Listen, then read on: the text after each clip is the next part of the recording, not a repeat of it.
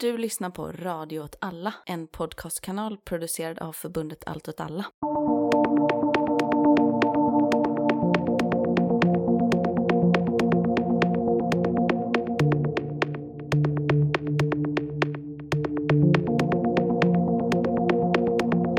Hej och välkomna till årets sista sätt att se.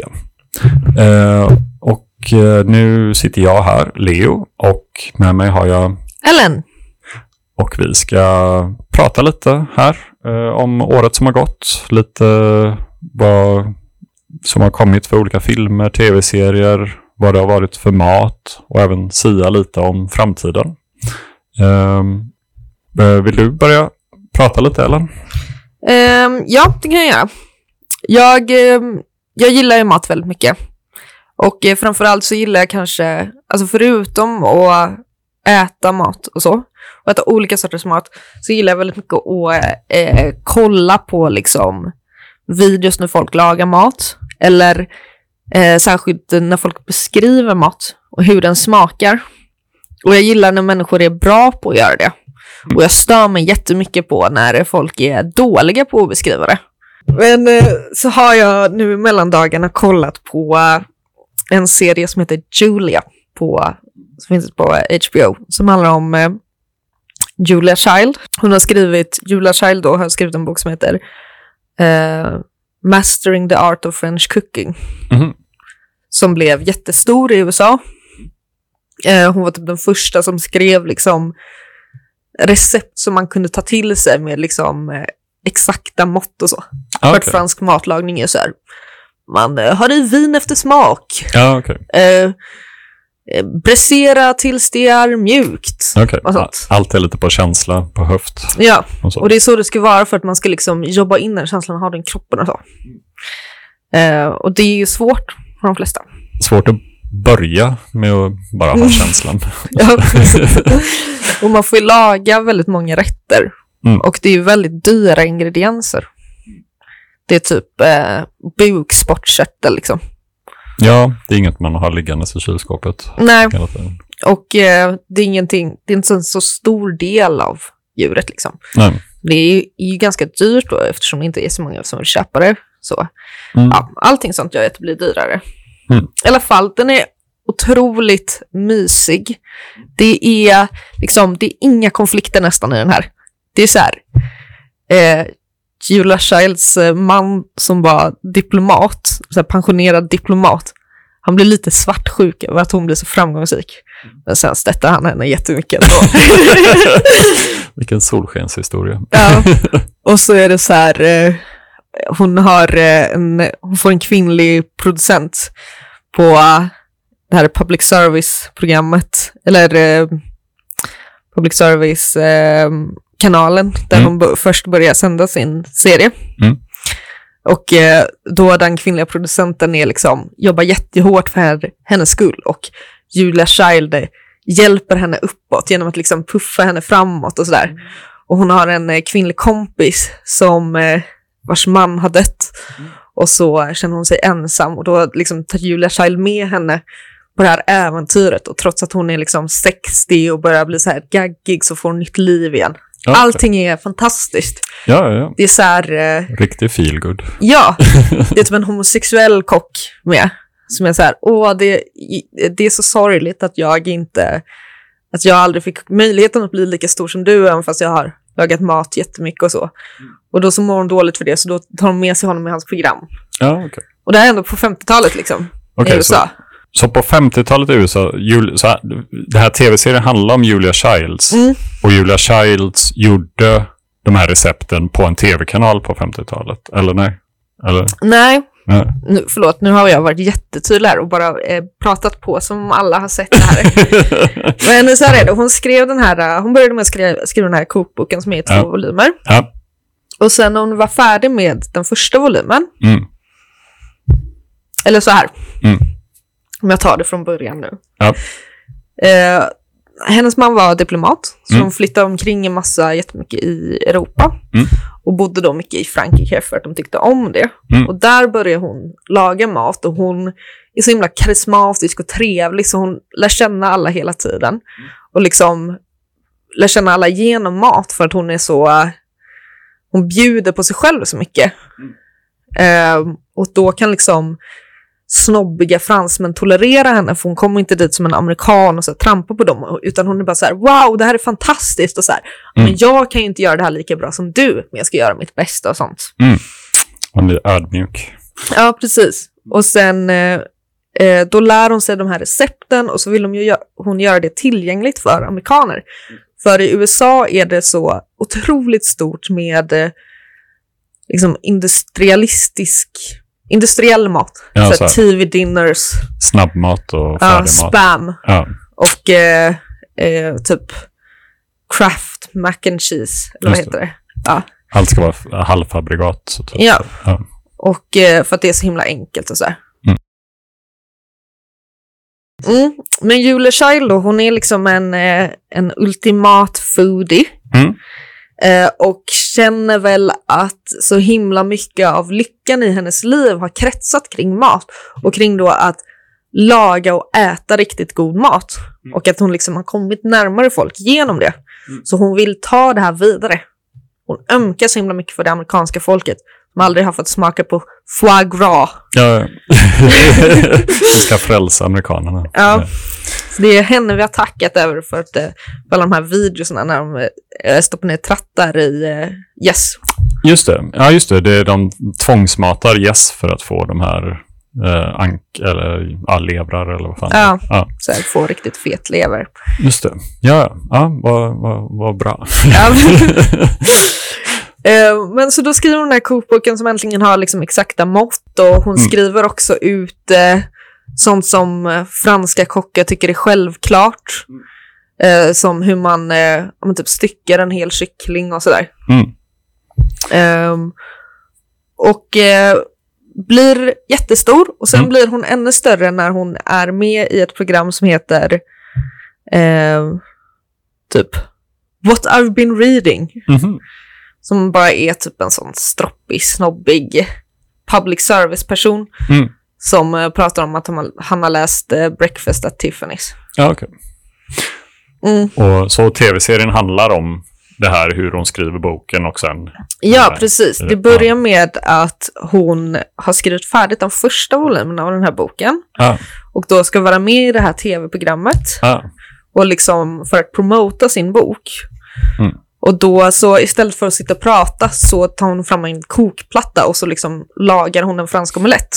ja, ja, Och de sitter i sådana här eh, fåtöljer, du vet sådana tv-fåtöljer liksom. Och så är det ett sånt litet eh, sidobord liksom. Softboard där. Som Ja. hon står böjd över och hon har typ sin rumpa så här mitt i kameran och sånt. Det är väldigt charmigt och, och gulligt och fint liksom. ja, ja, ja. Ehm, och han eh, som har gjort det här programmet är så himla en så himla dålig man. Han Okej. sitter bara och är så här, jag har inte läst den här boken, för det är under min värdighet. Det är bara min fru som lagar mat. Så här härligt sexistiskt som man kunde vara på den tiden. ja, precis. Och eh, ingen går med på det. Alla Okej. älskar henne istället. Ja, Säg fuck honom. gött. Så hon får ett slut där i tv-programmet. Hon får slåss för det jättemycket. Hon får betala för eh, eh, jättemycket själv och sånt. Men hon vill verkligen göra det här. Mm. Ehm, och hon ömmar så himla mycket för den här producenten som gillar henne så mycket. Mm. Eh, hon är liksom ensam kvinna där. Hon är svart kvinna också på 50-talet som jobbar som Ah, tv-producent. Wow. ja. Så att hon vill liksom ta fram det. För hon är en sån Mm. framtidsmänniska. ja, Eh, och eh, ja, det är så, jag rekommenderar den så himla varmt. Det är åtta avsnitt som är typ över en timme långa. Oj. Jag tror jag, jag såg allihopa igår. Ja. Det var en sån riktigt härlig, mysig serie, Mm. låter det som. Ja, ja. Verkligen. Och där är det, där lagar de ju mat som är, ja, men som man typ inte kan äta längre. Varför inte? Alltså för att, eh, ja men du kan inte köpa gåslever. Alltså Nej, okej. det är helt orimligt. Alltså man kan ju göra det om man har, om man är jätterik. Ja, Men det är det- svindyrt. Ja, Ja. Eh, alltså en vanlig människa kan liksom inte Nej, tillaga de, de flesta av de här recepten. Det är liksom orimligt. ja. Jättemycket av recepten hon gör i den här serien är kyckling. Mm. Och det är inte så man äter inte kyckling så mycket i Frankrike. Men för att det ska vara liksom någorlunda tillgängligt för det amerikanska folket Ja, ja, ja. så blir det ju väldigt Så mycket gjort- kyckling. Gjort om det till kyckling istället. Ja, Ja, okej. Ehm, men däremot så är det ju ändå den här äh, grejen med att man tar tillvara på hela djuret och så. Mm. Så jag tänker att vi, eh, vi borde lära av det. Av att ta tillvara på allt. Kanske inte, ja precis, ta tillvara Mm. på allt. Kanske inte hela djuret, för jag är inte så för att man ska äta djuren då. Nej, det kan jag hålla med om. Så, men att det är bra att använda allting som Ja. går att använda. Alltså jag tycker ändå att det är lite äckligt så som man gör nu, att man Alltså att man köper liksom inte en hel kyckling och så och använder inälvorna och så. Utan jättemånga äter ju typ bara bröstfiléer eller bara lårfiléer i hela sitt liv. Och sen så typ maler man ner allt, resten till chicken nuggets. Ja, jo det är väl ofta så det blir.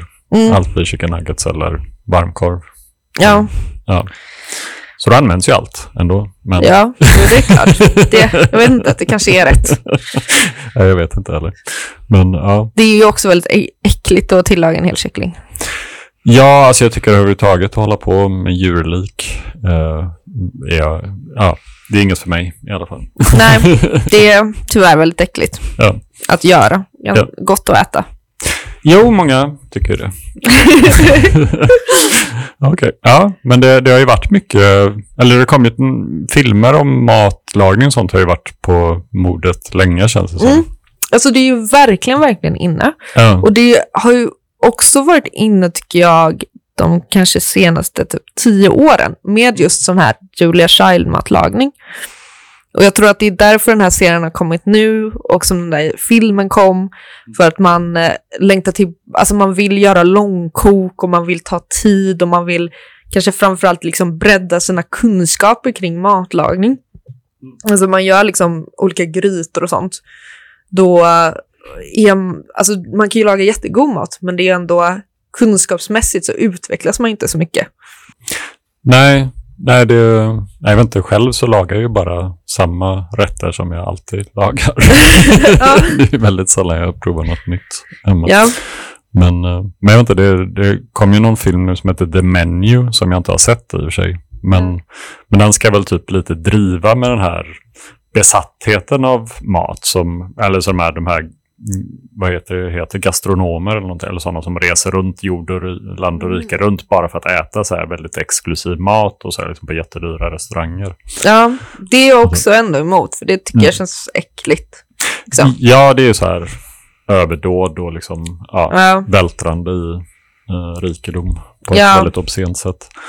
Men jag tycker om ehm, grejen med hantverket. Liksom. Ja, Så därför ser jag fram emot att eh, alla kommer komma på nya sätt att använda liksom, eh, eh, rester ifrån maten på Mm. olika sätt. Alltså Mm. nu kan man ju koka egen fond och det tror jag alla kommer börja göra. Mm. Men sen tror jag också att folk kommer börja hitta på nya saker man kan göra med sina grönsaksrester. Mm. Jag vet att man kan färga tyg och sånt okej. med typ lökskal. Mm. Och olika grönsaksrester. Och det är coolt. Men man kanske kan liksom, eh, jag vet inte, fermentera det, göra eget eh, tyg av det. Mm. Ja, det, ja, det går väl att göra massa grejer. Eller ja, man, man kan göra kompost av det. Ja. Skaffa Och också- höns och ge det till dem. Så. Ja, precis. Och också börja använda sånt som eh, man åt eh, förr, alltså i, i gamla svenska bondesamhället. Typ att man gör något coolt med rovor. Mm. Matlagring Ja. av rovor. Ja, Alltså, jag vet inte, kanske gröper du ur dem och fyller dem med något häftigt. just det. Ja, Ehm, kanske börja äta insekter. ja, det är jag emot i och för sig. Jag börjar ändå mjukna. För, alltså jag, tycker, jag kan tänka mig att det är lite gott.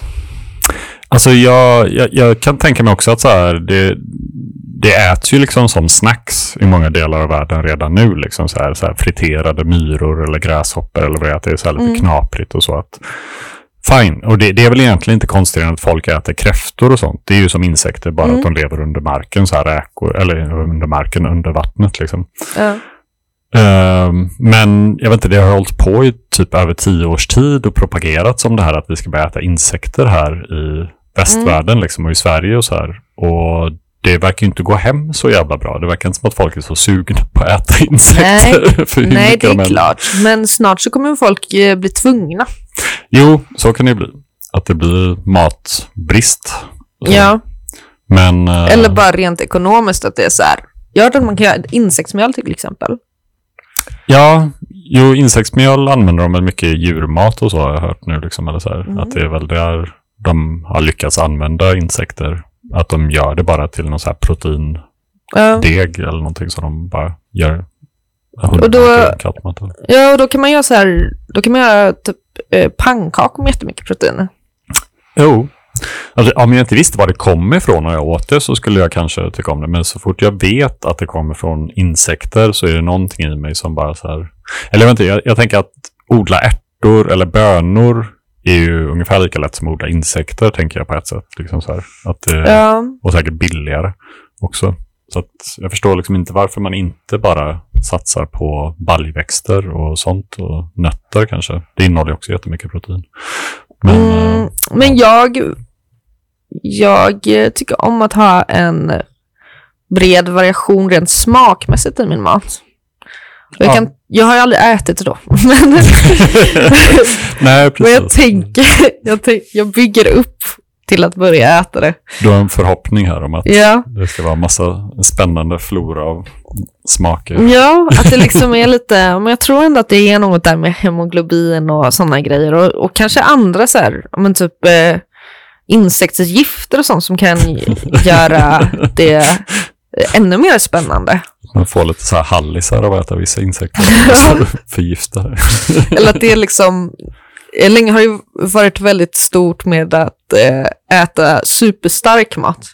Ja, just det. Att det kommer bli inne med att äta supergiftiga eh, Insekter. Insekter som är giftiga i sig själv. Så här, ja, så här, giftiga spindlar eller något sånt där. Liksom, eller, Mm. ja, ja, ja, det skulle ju i och för sig vara lite så här, roligt att se folk på YouTube börja äta så här. Ja. Istället för de här starka chilifrukterna så sitter de och trycker i sig någon giftspindel där istället. Ja. Mm. Ja, Jag tror på det och jag tror att det kommer vara en del av eh, det nya anti-elitistiska samhället vi kommer gå in i nu. Okej. Jag tror att de första som kommer börja äta insekter, just av den här anledningen, det är så här eh, bönder. Svenska så här, eh, epa-traktorbönder. Okej. Jag tror att de kommer börja sitta med en sån torkad gräshoppa i mungipan. Mm. Att det kommer bli lite coolt. Så Ja. farligt. Att det är så spexigt, att det är så här. De tänker så här, det är så himla ute att moona folk. Jag bara börjar. Jag går runt med massa insekter i munnen istället. Kommer folk tycka jag är jätteäcklig. Ja. Ja. Jo, varför inte? Alltså, ja, vi får se vart den här spaningen Mm. tar vägen. Jag tror att man kommer sluta, alltså det kommer bli så otroligt ute att eh, till exempel kalla, kalla någon för eh, rasist eller så. Mm. Eller sexist och sånt. Utan eh, istället så kommer man bara vara tvungen att eh, eh, acceptera allting jättemycket. Okej.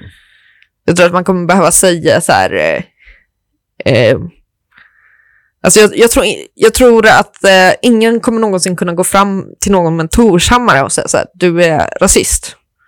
Okej. Utan man kommer bara vara så, ja, men du eh, gillar medeltiden och E-Type. Och det är helt okej med mig. Okej. Att vi kommer gå in i ett århundrade där ingen dömer någon för något. det är så här, Eh. motsatsen till cancel culture. Det är så här, Ja, allt är okej. Ja. ja att det, det kommer vara en press på folk En press på folk. Att, att, eh, att vara så odömande som möjligt. Ja, det hade ju varit väldigt spännande om eh, historien tog den här vändningen. det känns inte som att det är på väg. Men, men eh, ja, det är bra, bra spaning. vi får se om den slår in. Åh, jag, jag undrar vad jag eh, hade för uh, spaningar förra året. ja, Det var någonting om lasagne. Att det skulle väldigt... Det slog inte in. Nej, jag har inte hört Att om lasagne skulle bli en grej. Nej. Men, eh, ja. Du borde lyssnat om förra avsnittet. ja. Ehm, och så tror jag, eh, jag tror att det kommer göra så att folk kommer sluta ha den här eh, tråkiga attityden nu. Mm. Om att man inte skulle våga föda barn eller Mm. skaffa sig familj för att den här världen kommer ju bara brinna upp ändå. Mm. Sån, sån attityd vill inte jag ha. Bort med det. Så här, sån loser-mentalitet. Ja, vadå då? Lo- Om du gör det så gör den det. Det har väl aldrig hindrat folk för. Nej, jag kommer ihåg att mina föräldrar sa så när jag var liten och började bli liksom orolig för det här med eh, klimatet. Mm. Eh, så sa de, ja men så där sa de när jag var liten också.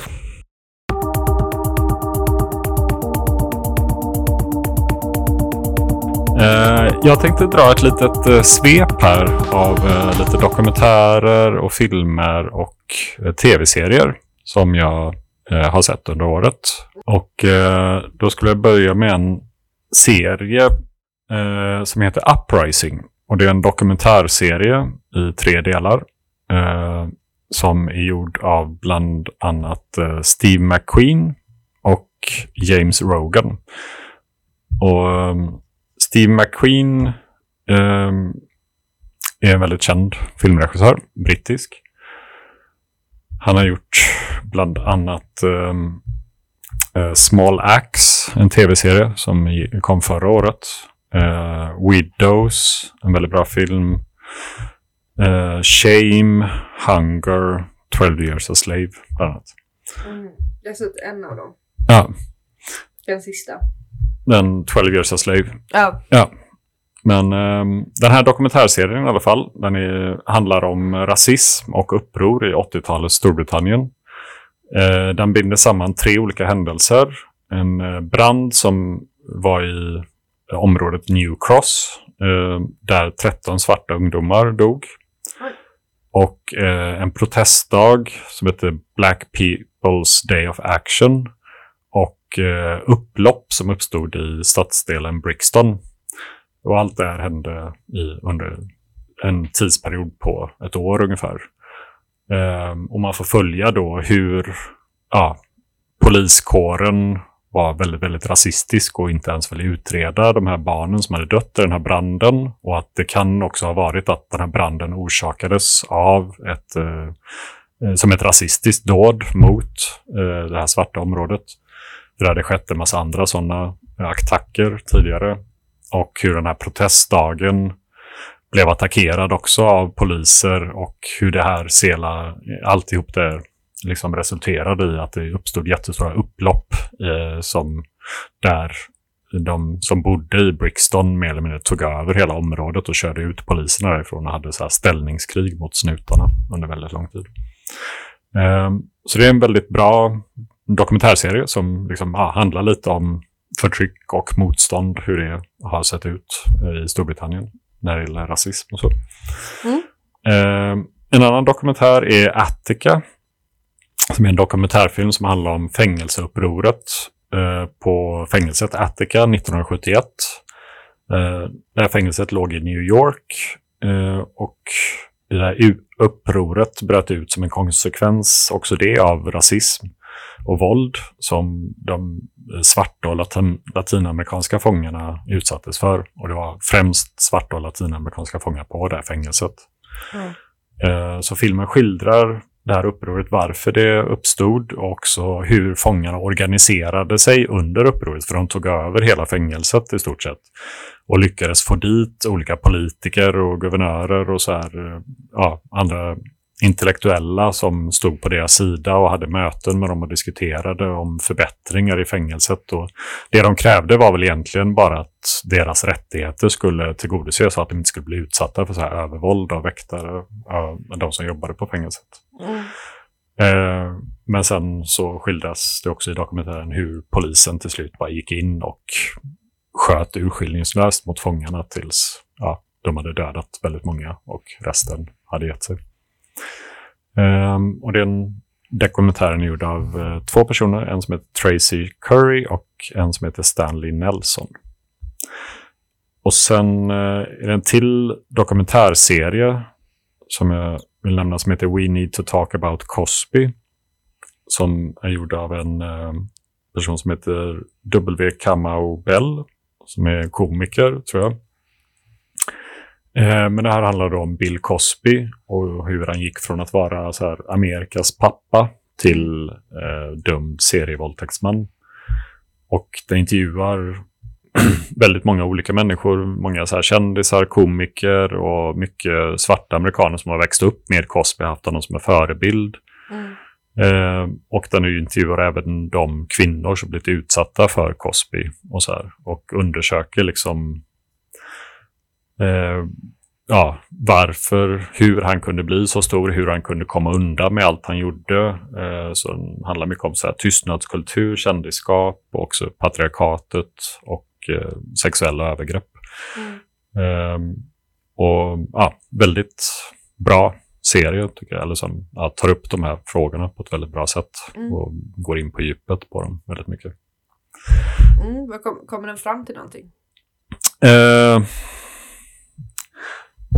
Nej, alltså den, den kommer väl fram till att det finns de här strukturerna och har funnits under väldigt lång tid i underhållningsindustrin och i stora delar av USA överhuvudtaget. Liksom, där män som begår sådana här övergrepp skyddas av hela systemet. Som man har sett med Harry Weinstein och många andra. Så här, liksom att, att det är väldigt många som vet vad som försiggår och att de här männen känner att de kommer undan med det för att de har folk som backar upp dem. Och så. Mm.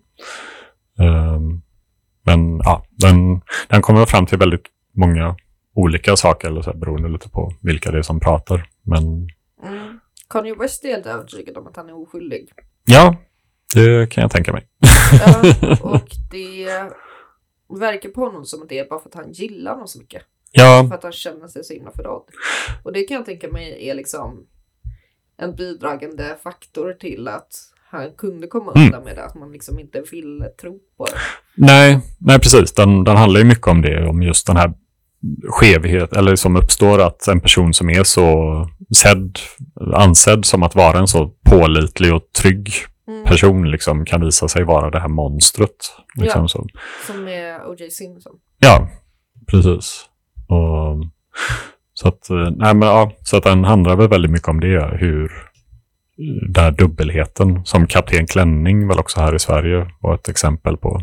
Att den här polismannen som eh, var väldigt, pratade för kvinnors rättigheter och var väldigt feministisk och sen samtidigt begick extrema övergrepp. Ja, Så. det är himla tråkigt för alla oss i Sverige. Jag inser att poliser också kan vara omoraliska. ja, never trust a cop. Mm. Eh, ja, så det är lite olika dokumentärserier och filmer. Eh, sen har jag några spelfilmer som jag tänkte nämna också. En som heter Emergency. Eh, som är regisserad av en person som heter Carrie Williams och med manus av en person som heter Kristen eh, Davila. Och den här filmen handlar om två svarta studenter på ett universitet i USA. Och en kväll när de ska ut och festa så hittar de en vit tjej avdäckad i deras vardagsrum. Oj! Ja. Ehm, och av rädsla då för att vad polisen ska tro om de ringer polisen. Ja. ehm, att eh, polisen antagligen då kommer tänka att ja, de här två svarta killarna måste ju vara skyldiga till någonting. Så ringer de inte efter polisen utan Nej. de ska lösa det här själva. Eh, och det leder ju till en väldigt massa jobbiga situationer naturligtvis. Mm. Så det, det är som en liten så här klassisk förvecklingskomedi på något Mm. sätt. Liksom lite så här kompis universitetsskolekomedi. Fast eh, med väldigt mycket så här ja, analyser av hur rasism, rasistiska strukturer i USA fungerar och fördomar och så vidare. Liksom. Och, så att den, är, den är gjord som en väldigt ganska dum komedi eh, som utspelar på universitet fast den är väldigt, väldigt smart samtidigt. Så, så att det, det är en väldigt rolig blandning. Men eh, så den, den är väldigt rolig och bra samtidigt. Så, så den kan jag rekommendera. Eh, en annan film jag vill rekommendera är en eh, animerad film som heter Mad God. Som är gjord av Phil Tippett. Och det är så här stop motion animerad långfilm. Det vill säga att det är små dockor typ som man har rört på så här och flyttat. Mm. Eh, Älskar det. ja, Så fint. Mm. Och det, den här är jävligt snygg film. Det handlar då om att man får följa en person som går omkring i någon slags så här dykardräkt, så här gammaldags dykardräkt eller någonting. Och han liksom reser neråt i någon slags helveteslik mardrömsvärld så här full av monster och ruiner av städer och torterade själar på olika sätt. Så det är en väldigt så här, surrealistisk skräckupplevelse in i en bisarr ångestmardröm ungefär. Fast Mm. gjort väldigt, väldigt vackert samtidigt. Så här, liksom, med animationer och allt det här. Mm. Ehm, och det är, det är lite svårt att beskriva exakt vad handlingen är. Det, det är mer bara en massa upplevelser av uh, massa visuella, äckliga, vackra saker. Som, ja, Mm. så. så att, eh, ja, Det låter jättebra.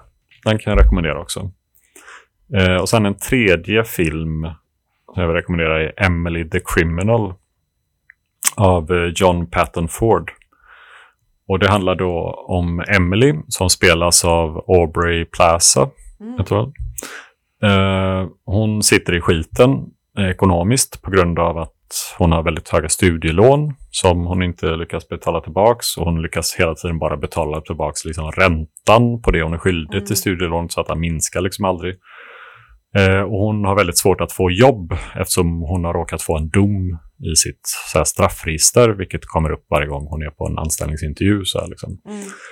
Ehm, så hon är väldigt desperat och eh, får ett erbjudande att bli en så här dummy shopper. Eh, det vill säga en eh, person som handlar med ett kreditkort med stulna kreditkortsuppgifter. Så eh, hon blir, ja, får erbjudande om det här och tar det erbjudandet och går då och köper en så här plasma eller så storbilds-tv. Liksom, och går ut och lämnar den till några i en bil och så får hon ett kuvert med pengar. Och eh, sen blir hon liksom lite involverad i den här svarta marknaden, eller så här kapitalismens svarta marknad, man ska säga. Eh, och de här lätta pengarna som det innebär och ja, tar mer och mer risker. Och ja, Den utvecklas på ett ganska intressant sätt, den här filmen. Och, Ja, det låter jättespännande. Vad heter den? eh, Emily the Criminal. Mm. Så. Den eh, ja, visar lite grann baksidan av eh, växande klassklyftor och fattigdom Ja. i USA. Ehm, och sen har jag några tv-serier här jag skulle nämna också. Mm. En som heter We Own This City, eh, som är gjord av George eh, Pelecanos och David Simon. Och David Simon är ju skaparen av The Wire, bland annat. Mm. Eh, och det här We Own This City är baserat på en sann historia om eh, polisen i Baltimore och eh, korruptionen inom en av deras styrkor som avslöjades 2015. Och det var då att i Baltimore så var det väldigt mycket gängmord på den här tiden. Eh, så då gav man jättemycket resurser eh, till en insatsstyrka som jobbade med att spåra eh, vapen. Och den här insatsstyrkan bestod av person, eller poliser som var civilklädda, liksom, som var ute och ja, letade vapen. Mm. Men istället för att motverka gängkriminaliteten så börjar den här styrkan av poliser att profitera på kriminaliteten Mm. och blir själva liksom stadens värsta kriminella gäng. Mm. Dessutom med skydd av lagen. Så, här. Eh, så det är en väldigt ja, bra eh, serie för att visa på hur rötet snuten kan fungera. Ofta gör. så. Ehm, sen finns det en annan serie som heter Our Flag Means Death av en person som heter David Jenkins. Ehm, och det här sägs vara baserad på en sann historia också om en adelsman som heter Steed Bonnet som på 1700-talet övergav sitt bekväma adelsliv för att bli pirat istället. Och Steed Alltså Bonnet- en, ehm, en liksom gammaldags pirat eller en... En gammaldags pirat, en, liksom en sån som har ett skepp som åker runt och så här ska plundra andra skepp och så. Det är liksom hans dröm, Steed. Så. Alltså så rimlig dröm att ha. Ja, verkligen. Eh, problemet är väl bara att Steed Bonnet själv är en ganska så här vän och liksom timid varelse i sig. Eh, han passar liksom inte direkt in att vara pirat, men han gör sitt bästa. Han eh, försöker liksom uppmuntra sin besättning som han har anställt att vara med på det här piratskeppet och gjuta mod i dem genom att eh, sitta i en cirkel och prata om sina känslor och sådana här saker. Mm. Eh, Men eh, det leder tyvärr inte till att han får den här respekten och uppbackningen som han hoppas på, eh, utan hans besättning börjar mer och mer prata om myteri. Men sen händer en massa saker så att han lyckas ändå få en liten plats som pirat. Så det är en ganska Ja. fin, söt liten historia om här, manliga normer och sånt. Bland Mm. annat. Jättemysigt. Vad heter den? Eh, Our flag means death. Mm. Och Taika Waititi är med också i den här serien och gör en väldigt Mm. rolig roll som pirat. Jag vet inte vem det är. Eh, Taika Waititi, det är ju han, eh, han har gjort en massa komedier, typ så Thor och han har gjort den här vampyrkomedin också. Eh, eh, We are in the shadows eller någonting, vad heter den? We, we live in the shadows. Kanske. Ja, ah, Jag okej. är för dålig på ja. serier och sånt. Men eh, en tredje serie som jag också vill rekommendera är Tokyo Vice av J.T. Rogers. Som även detta är verklighetsbaserat om en amerikansk journalist som heter Jake Adelstein som eh, flyttar flyttat till eh, Tokyo för att jobba på en tidning där. Och då börjar han undersöka olika så här, brott som leder honom till den lokala maffian, så här, yakuzan. Han lyckas bland annat hitta så här, att maffian är involverad i eh, ett företag som, eller ett försäkringsbolag som ger ut livförsäkringar. Men sen eh, efter att någon har tecknat en livförsäkring så eh, lyckas de få de här personerna att ta livet på sig, av sig eller att mörda de här personerna för att själva få ut försäkringsbeloppet. Så att det är en slags försäkringsbedrägeri med livförsäkringar. Så Mm. sådana cyniska eh, grejer. Men, eh, men väldigt bra serie. Och väl- väldigt så här realistiskt gjord. Jag, jag har lite förkärlek för så journalistfilmer och serier och så här. Liksom. Mm. Och det här, det här är en väldigt välgjord sån.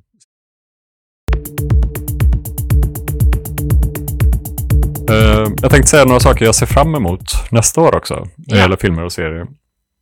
Eh, Gabriella Pichler kommer med en ny tv-serie på tv som heter Painkiller. Som kommer Mm. gå på SVT. Gabriella Pichler har gjort eh, Äta, sova, dö och Amatörer Ja, ja, ja. innan. Vad heter den andra? Eh, Amatörer.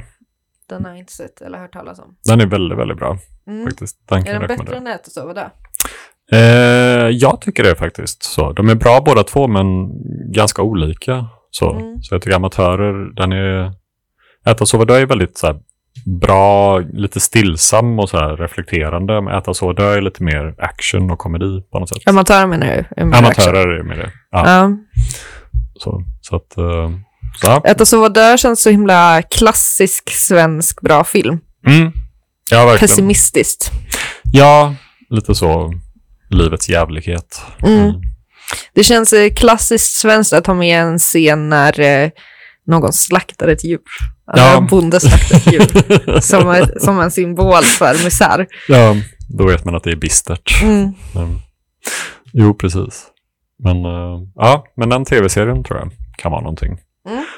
Och sen uh, Steve McQueen som jag nämnde förut med Uprising kommer med dels en dokumentär, Occupied City, och en spelfilm som heter Blitz, som båda utspelas under andra världskriget, tror jag, eller handlar om det på något Mm. sätt. Uh, Ari Aster, som har gjort uh, Midsommar och Hereditary. Mm. Men han kommer med en spelfilm som heter Bowie's Afraid i alla fall. Och sen eh, George Miller som gjort Mad Max kommer med fortsättningen på senaste Mad Max Mhm. som heter Furiosa och ska då handla om Furiosa som i ja, senaste Mad Max eh, eh, spelades av vad fasen heter Och senaste den, eh, För Fury Road. just det. Det är med Charlize Theron spelar eh, Furiosa där. Men jag tror inte att hon ska spela i den här filmen. Mm. Men jag tror den kan bli rolig i alla fall. Mm. Eh, det var väl lite det. Ja, ska vi säga så? Det tycker jag. Okej, god jul, gott nytt år. Gott nytt år! Hej hej. Det är jag eh, var ju inte med på den ordinarie inspelningen eftersom att jag var dödssjuk. Eh, så vi eh, spelar in det här, jag och Ellen spelar in det här över Zoom. Eh, dagen efter. Ehm, jag ska ju prata lite om litteraturåret som varit. Mm, och ehm, till att börja med så tänkte jag prata om mm, en av årets mest hypade böcker. Alltså, det vill säga Caroline Ringskog Fröda Nålis. Det är kroniskt. Um, ja, jag, jag gör det ganska mycket för att um, en kompis till mig uh, påpekade uh, för ett tag sedan att um, man kan inte lita på några av recensionerna av den för att ehm, alla som har skrivit recensionerna och eh, gett en så högt betyg känner henne liksom. Ja. Eh, alltså, Och att det är så systerskap tror jag också. mm, Att man ska inte liksom ta ner andra kvinnor. ja, hon pratar om att det är jobbigt att vara mamma typ. Eh, ja, men alltså så här, för, alltså för att det var någonting för mig då som hade skavt lite eh, med det här. Och att Mm. alltså när hon eh, sa det, min kompis då, det, det verkligen satte, det satte liksom, ehm, eh, det satte verkligen fingret på vad det var som hade skavt, alltså vad som hade gjort mig typ misstänksam mot den. Då kände jag att jag måste undersöka det här. Mm, så här Mm. kommer eventuellt Sveriges enda ärliga recension av Det är kroniskt. Okej, jag vill börja med Ja. att säga att jag ansträngde mig verkligen för att, för att gilla den här boken. Jag ville verkligen det. Ehm, och det gick så där kan man säga. Ehm, boken handlar om att ja, men handlar väl typ om kronisk smärta. Och det gör den väl på sätt och vis. Men alltså, alltså det här med temat smärta är liksom ett, en röd tråd som finns i hela boken. Eller som eh, går genom boken. Men i övrigt så har det ingen handling utan man liksom kastas mellan olika, olika scenarion eller olika typ minnen. Alltså dels typ så här nutid i Stockholm. Dels typ 90-tal i Simrishamn och sånt. Fram och tillbaka så. Ja. Mm. Och det är ganska... Men är det liksom... Är det liksom att hon bara pratar om när hon har känt smärta olika, alltså under olika perioder av sitt liv? Det är inte så tydligt liksom. Alltså det är mer typ i efterhand som jag Okej. kanske kan tänka att det skulle vara någon sorts ja, röd tråd typ. Ehm, men det är inte uttalat så. Kapitlen är ganska korta.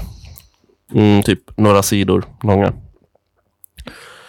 Ehm, vilket skapar en viss misstänksamhet i mig. Mm, Alltså typ, och jag, alltså jag menar redan typ i början, så när, den här typ att hoppandet och att det är korta kapitel, jag tyckte det kändes ganska frustrerande. För att man, typ så fort man känner att man börjar komma någonstans så liksom hoppar man iväg. Ja. Och eh, mm, det är liksom, alltså det här hoppandet är typ också någon, någonting som eh, man kan återfinna i resten av boken. Alltså på andra sätt liksom. Att typ hon liksom hoppar mellan identiteter typ. Eh, som Alltså till exempel att ja, men ibland så ska hon typ representera framstår det som, eh, liksom representera en arbetarklass. Eller eh, så här, Sveriges icke-vita. Och det är liksom, det funkar inte. Alltså hon vill typ representera orten. Men hon är ju uppväxt i Simrishamn. Alltså visst, hon har bott i Akalla. Men alltså menar du att det är liksom språk hon använder, sättet hon skriver? Det är både och faktiskt. Alltså för det är också, alltså det är dels typ grejerna hon berättar. Alltså ibland så skriver hon typ om hur det var, eller jag vet inte, om orten typ. Ehm, men det är också att jag upplever att hon använder liksom ett sorts typ luftigt och så här poetiskt språk som har blivit populärt på senare år hos ganska unga eh, författare med invandrarbakgrund. Typ eh, Donja Saleh och Evin Ahmad. Mm. Och jag känner liksom att det funkar inte för att de är inte samma. Alltså det är inte Nej. hennes liksom språk att tala med. Och jag känner, och jag känner att alltså, det är inte typ det, så att jag vill typ slå henne på fingrarna och vara så här, ja du har fel identitet. Utan jag bara känner att det, det, att det inte funkar estetiskt liksom. Det Nej. skaver. Men hon pratar väl lite som eh, Little Jinder typ. Eller som det sättet som Jinder liksom populariserade när hon var med i Filip och Fredrik och typ shottade tequila. Alltså att man säger eh, fucking hela tiden. Mm, kanske det. Man pratar lite som eh, Paradise Hotel-deltagare. Man säger så här. Det är så fucking jävla oumbärligt typ. Mm. Ja. ja, lite så. Mm. Ehm. Men alltså jag tycker det var också det, det här känns som, alltså alla de här grejerna, det känns som typ av försvarsmekanismer. Alltså från att hindra, alltså hindra en att komma in på djupet. Mm. Alltså att det är hela tiden bara typ, det är bara yta liksom. Så man kommer ingenstans. Ehm, Nej. Och alltså jag tänker väl typ att konst måste ju vara eh, i viss mån liksom själv... eh, Det måste vara ärligt ändå. Ja. Det, men det... Ja, alltså sen... Jag, jag tycker den, alltså, den glimmar till lite ibland liksom. Mm. Eh, men jag tycker det här nästan gör det ännu mer frustrerande. För att då när den liksom faller ner igen, Mm. då blir man så trött och upprörd. Ja. Alltså, typ i, i slutet av boken så finns det några sidor eh, som är faktiskt alltså, jätte, jättebra. Men sen de allra sista är skit. Det är jättetråkigt. Jag tänkte läsa upp några ut, urdrag för att liksom exemplifiera lite eh, vad det är jag Ja. menar. Mm, vänta. Okej, det här är ganska långt. Jag, alltså en av hennes lärare, då, är arbetarklass, alltså är jag tyst. Det var en lögn. Andras lögn är jag för sig. Någon, jag, har satt den på arbetarklass. Den finns på invandrare och män också. De har inga ord. De har ju det, men Marie pallade inte. Hon pallade inte ens att säga att en text är magiskt smileyface. Men om man hade sagt att texten magiskt är sammansättningen av de orden ändå inte så som jag menar. Jag menar på ett fundamentalt sätt, på ett icke-symboliskt plan, utan lexikalt. Det är magiskt. Och ni ska veta att jag hatar romantiken kring skrivande. Jag hatar Marguerite Duras med sin cigg och sitt kaffe och Paris och allt det. Jag älskar henne när hon ligger med en pojke i Indokina. Eller nej, hon är ett barn. Hon ligger med någon när hon är 17, 14 kanske. Och jag, alltså jag kom till det och jag var så här, vad fan är det här? Ja, alltså jag... eh, Eh, jag har ju läst den här texten på din Instagram. Ja. Och det är... Eh, alltså jag tycker att- den sista delen av texten är ganska bra. Alltså när hon pratar om, när hon säger det här om, ja jag hatar Mar- Marguerite Duras och så. Första delen, helt obegriplig. Alltså jag fattar inte vad hon skriver. Men det är liksom, det är bara svammel. Vad menar hon med magiskt på, på ett lexikalt sätt? Ja, alltså, men det är det, alltså det är liksom att man typ... Alltså jag tänker mig att det ska vara typ... Eh, det ska vara en del av charmen att det är så här... Att man är så typ... Eh, uttrycker sig på ett underklasssätt. Ehm, samtidigt som man behärs, har ett ordförråd typ. Men jag tycker det är kast. Ja, eller för att alltså, det där säger ju ingenting. Och eh, vad, vad, vad känner jag? Jag känner ingenting av det heller. Eh, och här är en annan kortare del. Jag var den första som ville något icke-rationellt? Frågetecken. Nej. Alla vill det orationella, men eftersom att internet var så borgerligt med sin sociala kontroll, sitt kindpussande och sina fasader och allianser gjorde man bäst i att hålla käft. Och det hade liksom blivit in i livet. Den andra delen av livet. Jag känner återigen, vad fan menar du?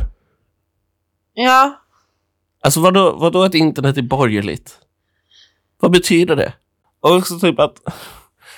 Men det är de här jävla korta, korta jävla meningarna. De måste, ja. de måste bort. Det är... Alltså jag, jag hatar dem. Det är ju väldigt jobbigt att läsa en hel bok så. Ja, Man får liksom blanda det lite. För att annars blir det liksom annars blir samma känsla ja, genom hela boken. ja. För att när man skriver sådana korta meningar så uttrycker man en känsla som är liksom så här eh, kanske lite melankolisk, väldigt avklippt. Jag tänker att det finns en omedelbarhet liksom Ja, i det. Ja. Alltså jag vet inte. Jag, jag typ tänker på, alltså jag har tänkt Ehm, jag har ju nästan aldrig läst klart en, en bok jag tyckte var dålig. Eller liksom jag inte tyckte Nej. var kul. För att då bara slutar jag. Jag tycker att det är normalt.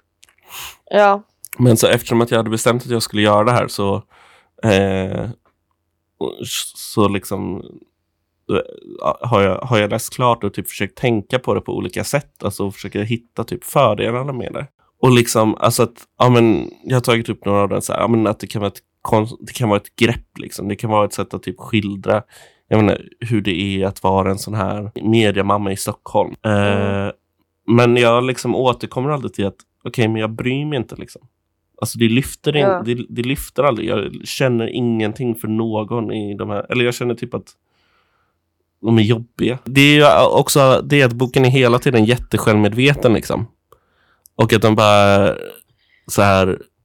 Det känns som att boken, det boken består av, det är typ så här eh, sätt att försöka skydda sig emot kritik på olika sätt.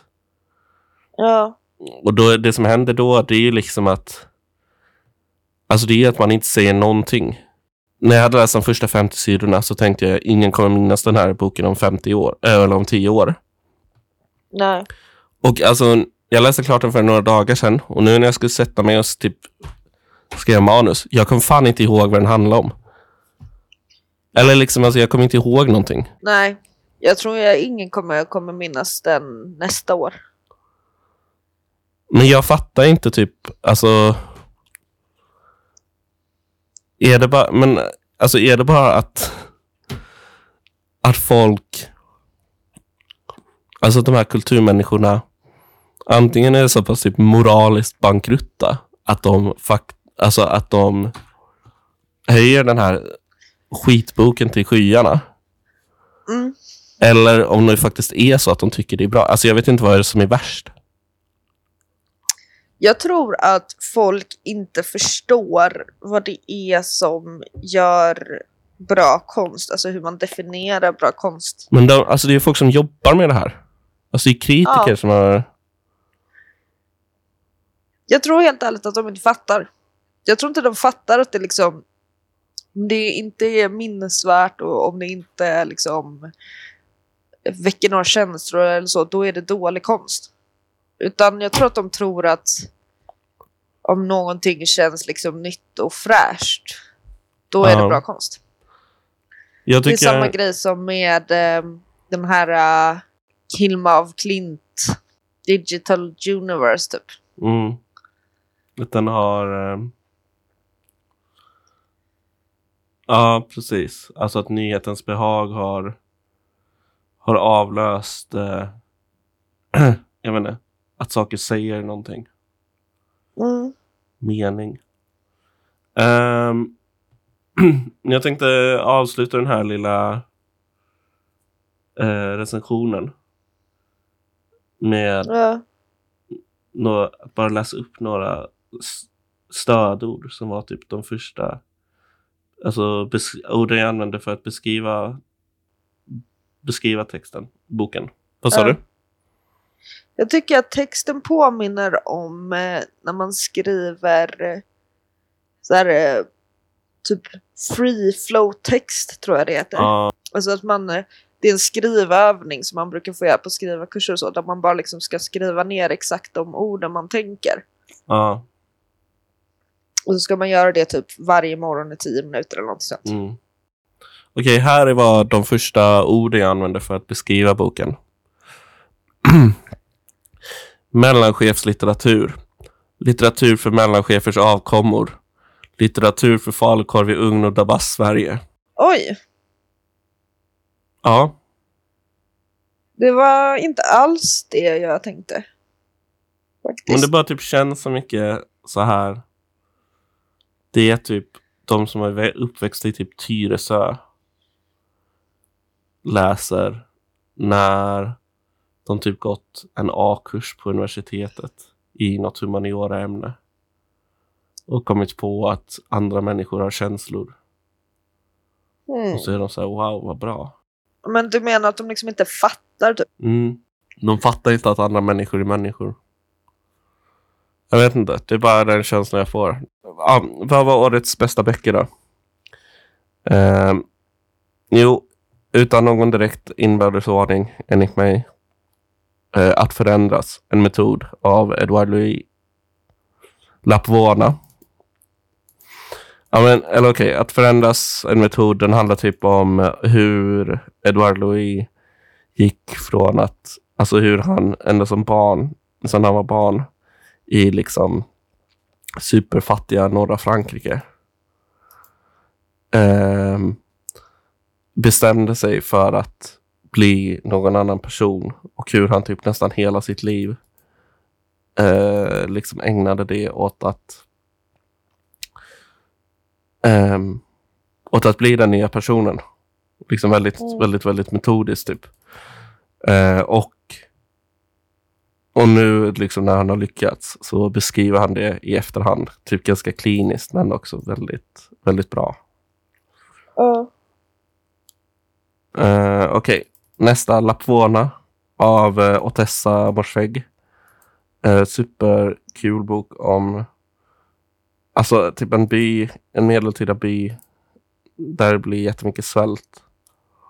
Mm, och så börjar folk äta varandra. Men det är också typ jätteroliga så här, eller typ knäppa så här moral... Alltså vad ska man säga, typ moraliska idéer, föreställningar. ja. Och sen eh, Sara Källners eh, En ny gud som handlar om eh, en eh, tjej som eh, hänger med sin pojkvän att bo på hans familjs gods i typ ett halvår. Och hur hon blir Mm. lite galen av det. Också ja. Det låter som att man skulle bli galen av det. Ja, men eh, hon, blir, hon blir ganska extremt galen, tror jag. Okay. Mm. Sätter de upp henne på vinden sen. Nej. Du skaffar en ny fru Det är lite honom. oklart vad som händer sen. Um, fan, nej, jag orkar inte ta musiken. Okej, okay, ska vi bara, ska vi bara call it a day där? Ja. Tack för att ni har lyssnat på eh, ZHC. Mm. Gott nytt år. Gott nytt år.